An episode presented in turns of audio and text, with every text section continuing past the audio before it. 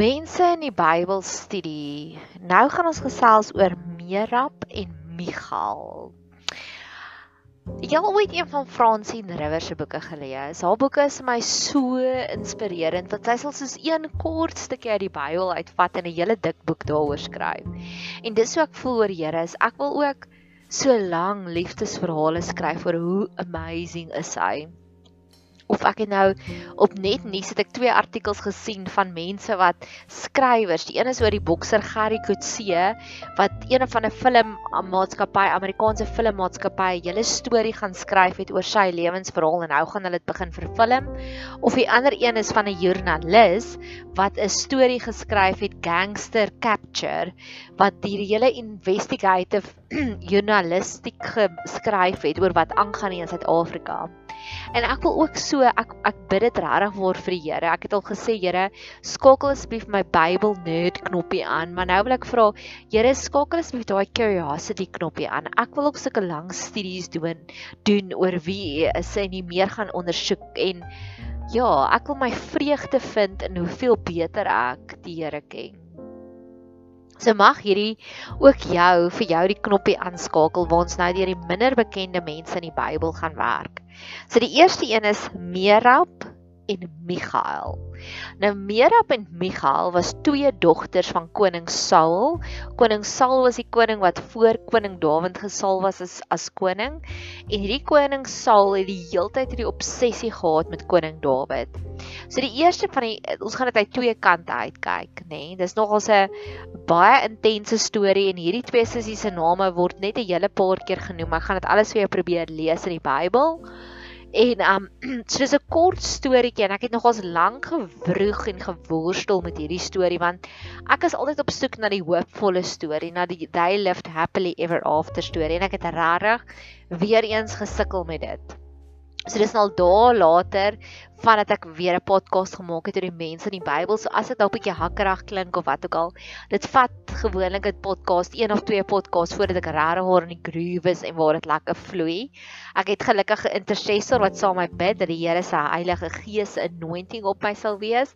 Nou nie dat ek wil verskonings maak nie, maar ek wil net sê hierdie verhaal was vir my so ontstellend eintlik eerste van alles, maar nou sien ek die positiewe kant en die Here het my gehelp en ek loof en ek prys die Here dat ek die positiewe kant kan sien. So ons gaan dit kyk vanuit Dawid se oogpunt uit en vanuit die twee sissies se oogpunt uit. So, die twee sissies se verhaal begin in 1 Samuel 17 vers 25. En dit is in die geval toe toe hulle net voordat Dawid vir Goliat oorwin het. Dit is wat wat op die spel was. En die manne van Israel sê, "Het julle die man gesien wat daar opkom? Want hy dis nou um Goliat, want hy kom op om op Israel uit te daag. En die koning sal die man wat hom verslaan, so die koning sal die man wat vir die wat vir Goliat verslaan, oorlaai met groot rykdom." Ook sal hy sy dogter aan hom gee en sy familie in Israel vrystel van belasting. So daar's hierdie groot beloning vir die persoon wat te Goliat oorwin en soos ons weet, Moses, ag Moses, Dawid oorwin en op die einde van die dag met 5 klippies oorwin hy toe nou vir Goliat. En toe die oomblik toe nou moet kom waar hy nou die dogter moet kry, nou die twee dogters, die oudste dogter se naam was Merab, so hy was onderstel om vir Merab te kry, maar dis toe nou wat gebeur. So verder in 1 Samuel 18 Verder het Saul vir Dawid gesê: "Hier is my oudste dogter Merab. Haar sal ek aan jou as vrou gee. Wees net vir my 'n dapper man en voer die oorloof van die Here." Want Saul het gedink: "Laat ek my hand nie teen hom wees nie, maar laat die hand van die Filistyne teen hom wees." Maar Dawid het vir Saul gesê: "Wees ek en wat is my familie, die geslag van my vader in Israel, dat ek 'n skoonseun van die koning sou word." Maar teen die tyd dat Merab, die die dogter van Saul aan Dawid moes gegee word, is hy aan Adriel, die Mehuniet as vrou gegee. Goed, en dan vers 26 Toe sy dienaars hierdie woorde aan Dawid meedeel, was die saak reg. O ja, okay, so toe sê Saul vir hom Okay, so wat gebeur het? Ekskuus, dit dit is nou eintlik baie baie neem mekaar. So wat gebeur het is eers van alles, Saul sê die man wat vir Goliat oorwin, kry sy oudste dogter Meriam. Dawid gaan, hy gaan oorwin vir vir Goliat en op die oomblik toe hy toe vir die Meriam moet kry, die prys moet kry, toe verander Saul sy dingetjie. Toe gee hy nog obstakels en hy sê jy moet nou eers hierdie Filistyne oorwin.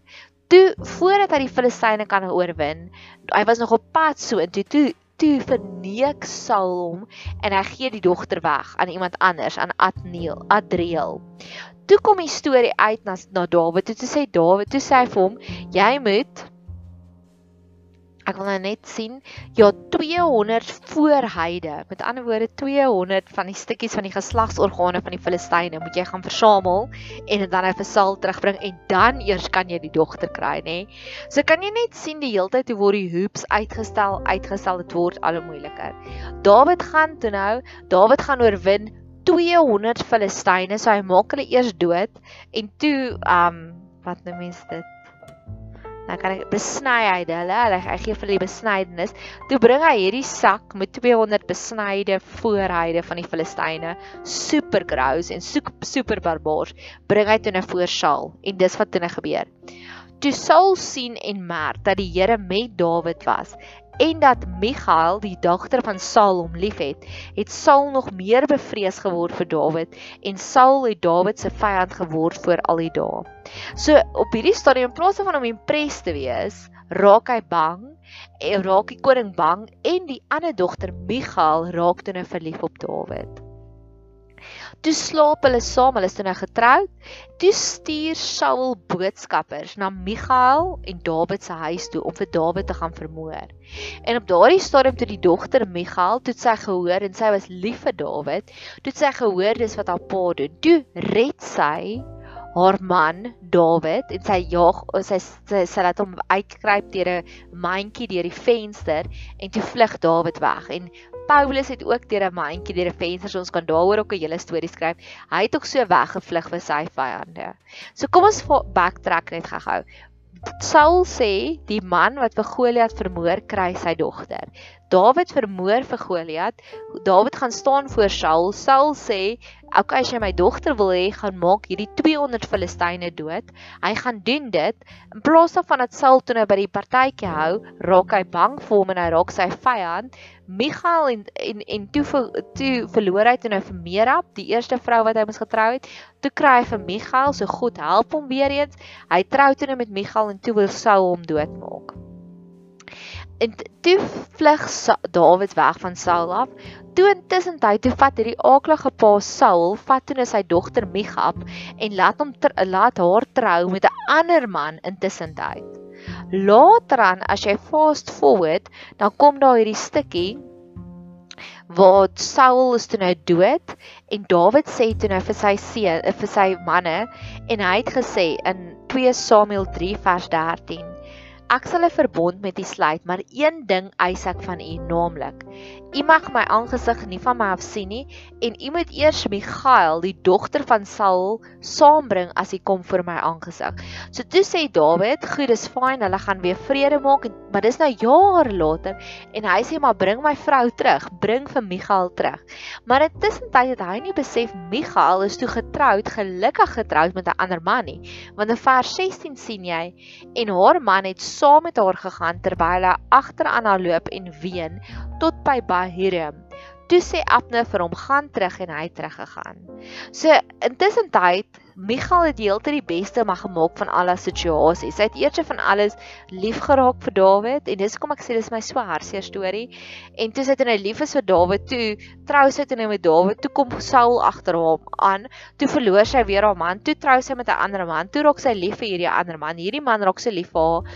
Toe hy, toe Dawid die koning om haar terug eis, toe loop hy al die pad vir duisende kilometer, ek weet nie vir duisende nie baie kilometers agter haar aan en loop en huil en huil en huil.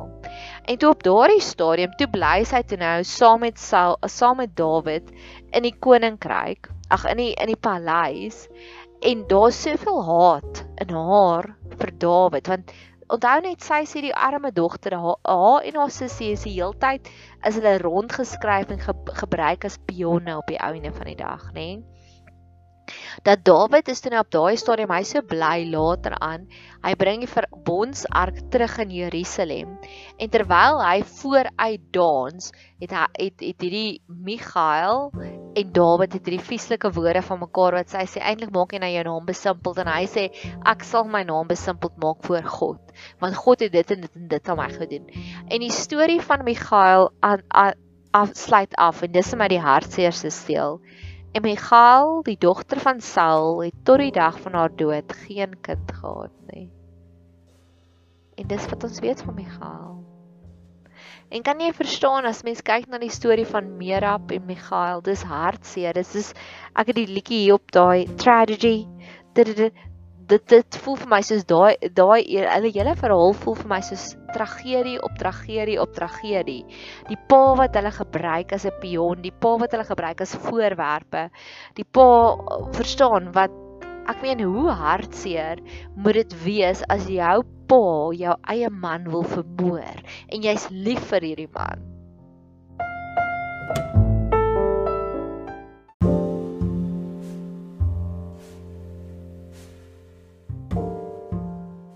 Ek weet nie of jy ooit die boek gelees of die fliek gekyk van Pride and Prejudice nie. En daar's ons dit ook die verhaal van die twee sissies en daar sien wat op die einde van die dag terugkom vir die een sissie en is baie gelukkig. Maar hierdie is ook die verhaal van twee sissies wat die hele tyd worstel stryd vir 'n man, vir 'n plekkie in die son.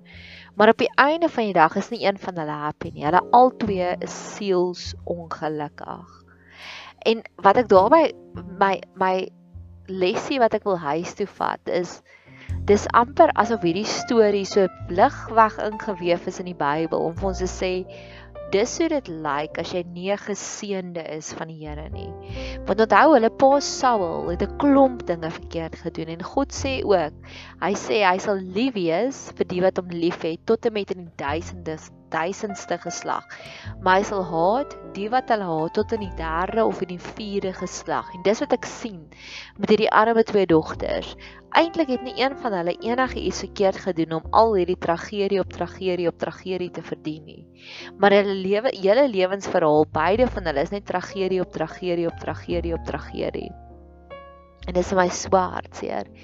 En dis hoekom ek so hard het vir die Here om te sê Here, asseblief, ek wil nooit 'n Merab of 'n Michal storie in my lewe hê nie. Ek wil net en dis wat God beloof in Jesaja. Hy sê die ootmoediges, die nederiges sal vreugde op vreugde smaak. En dis amper asof hierdie storie is ingewerk om te sê dis hoe dit lyk as jy nie die Here in jou lewe het nie. Jy gaan tragedie op tragedie op tragedie hê.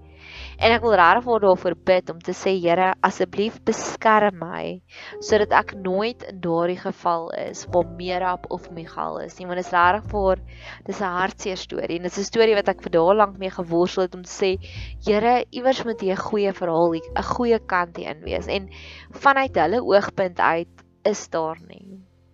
Maar maar but God, my gunsteling sê ding vanuit God se kant uit, vanuit Dawid se kant uit, is daar soveel, soveel hoogtepunte.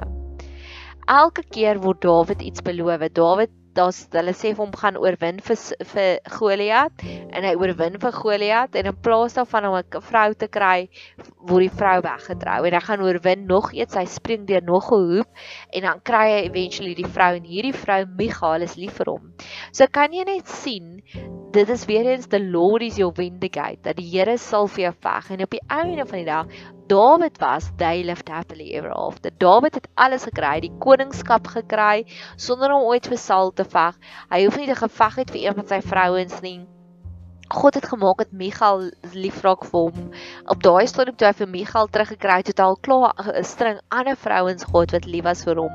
En hy sê op die ouene van die dag, sê hy vir Michal, ek sal crazy wees vir God.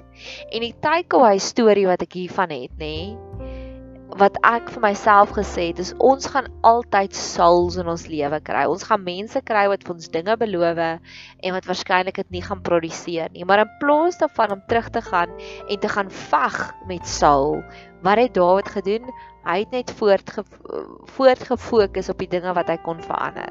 Hy het besef dit help nie hy gaan beklei met Saul en sê eintlik gaan ek nie daai ekstra 200 Filistyne doodmaak nie. Jy moes maar al reeds gegaan het. Nee. Dawid het net aangegaan op sy pad. En dit is een van my gunsteling storieetjies wat ek ook al vir keer op keer besef het is en ek sal vir myself dit herinner om te sê Nadia, you don't have to watch paint dry. Op die ou ene van die dag Dawid was they lived happily ever after. Dawid het alles gekry waarvoor hy gehoop en gebid het. Maar hy het nie teruggegaan en gaan veg nie. Hy was nie petty en kleinlik om terug te gaan om te gaan veg die hele tyd oor die dinge wat wat hy nie gekry het nie. En mag ek en jy dit ook al, altyd aanleer om te sê in hierdie situasie waar hierdie persoon my ingedoen het, gaan ek nie vir hulle uitwys op hulle foute nie. Die Here sal vir my stry. Die Here sal hulle uitwys op hulle foute. Ek sal soos Dawid net aanhou om die Here te prys. Want wat het Dawid gedoen? Dawid het die hele tyd vir God liefdesbriefies geskryf. Mag ek en jy ook daardie le lewenslesie van Dawid hier leer om te sê in plaas daarvan om te gaan veg vir die dinge wat ons gemis het, gee ons dit alles vir die Here en hy sal veg vir ons. So dis die hartseer hartseer verhaal van Merab en Michael. Die volgende verhaal klink soos Ferrari, maar die mense se naam is Merari. Merari was een van die families wat saam gereis het saam met Moses deur die wildernis. En die Merari familie, en dis die eerste ding van God wat ek so duidelik al keer op keer gesien het toe hulle uitgetrek het uit Egipte land het en hulle het begin met die tabernakel. Toe het God vir elke familie 'n klein werkie gegee en hy het gesê: "Julle hierdie familie, julle is verantwoordelik vir dit. Daardie familie is verantwoordelik vir dit. Hierdie familie is verantwoordelik vir dit." En keer op keer baie mense sê the devil is in the details en ek glo dis een van die grootste leuns. Dis nie die duiwel wat in die details is nie, dis God wat in die details is. Want God het vir elke een vir haar die verantwoordelikhede, het hy 'n familie gedesignate om te sê dis waarvoor julle verantwoording is. Dis wat julle moet doen. So Moses het letterlik net die instruksies gegee en alles anders het onder hom gewerk en hy het vir elke een het hy sy instruksies gegee en elke een kon daardie instruksies doen. En ek love dit. En weet jy, weet jy wat so weet jy hoe verlief raak ek op God as ek sulke storieetjies lees of van sulke storieetjies hoor? Want dit beteken die Here is so in beheer. Hy weet presies elke liewe behoefte wat ons het en hy het voorsiening daarvoor getref. So mag jy berus daarby. Mag jy dalk het jy een of ander behoefte wat nie vervul word nie. Dalk is dit 'n emosionele behoefte. Dalk het jy 'n bietjie nodig dat iemand jou raak sien of wat iemand bietjie vir jou aandag gee. Dan sê jy, Here, net soos wat U vir elke liewe gedeelte van die tabernakel, want onthou nou weer, Paulus skryf, julle is die tempel van God. So al die voordele wat die tabernakel geniet het op daai stadium, kan ons nou vir onsself claim. En dan sê hy, Here, net soos wat U vir die tabernakel so presies in detail gesorg het, ek het asseblief hierdie volgende behoeftes. En dan die tweede ding, die Meraris was die kleinste van die familie. So dit was die swakste, die mees tingerigste een van die familie. En hulle verantwoordelikheid was die swaarste werk. Hulle moes al die tentpenne uitkap elke keer. Hulle moes die swaar tentpenne gedra het waar ander families was net verantwoordelik vir die linne. So hulle het baie lig getravel en dan moes hulle die tentpenne gaan inkap het. Nou weet ek nie of jy al ooit in jou lewe gaan kamp nie.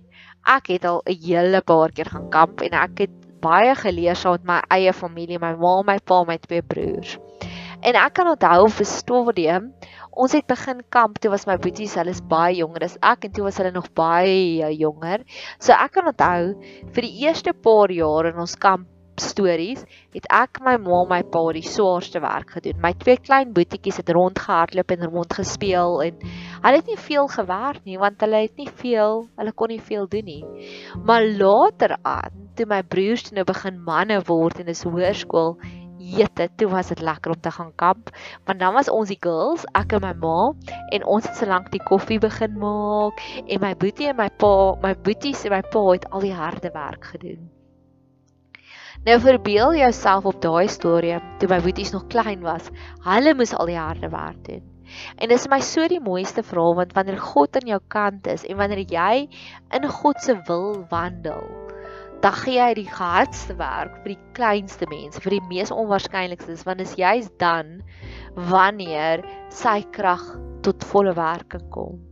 So dis die verhaal van die Meraris, is hulle was verantwoordelik vir die swaarste werk, maar God het hulle so bemagtig en hulle so gehelp dat hulle kon daardie swaarste werk kon hulle verrig het. En dalk is dit vir jou ook tans is as jy voel soos die Merari, jy het jy het hierdie groot verantwoordelikheid, jy het hierdie groot werk wat voor jou voor lê en jy het nie 'n cooking clue waar om te begin nie bid dit dan ook vir die Here vir die Here om jou te help soos wat die Meraris gehelp het om daardie hardste werk te doen.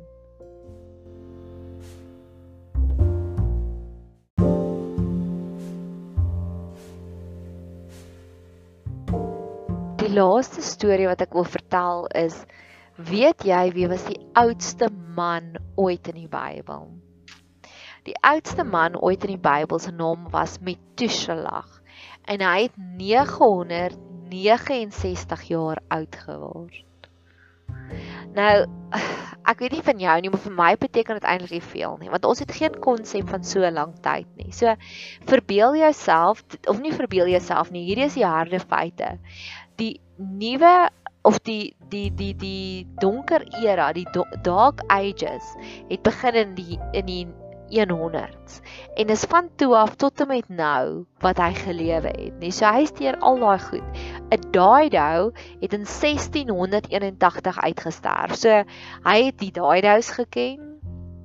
Hy het hy het geweet toe toe Jan van Riebeeck hier in die Kaap gekom het. Hy het geweet toe die Amerikas nog nie bestaan het nie. Hy het al daardie dinge het hy alles geken. Dit is so oud 969 jaar oud is. Of ek kan net dink hoe verskillende tale moes hy geleer het want as iemand nou voor my staan en hulle praat Engels, Shakespeare Engels, het ek geen klou wat hulle sê nie en hy moes al daai verskillende dialekte ook geleer het.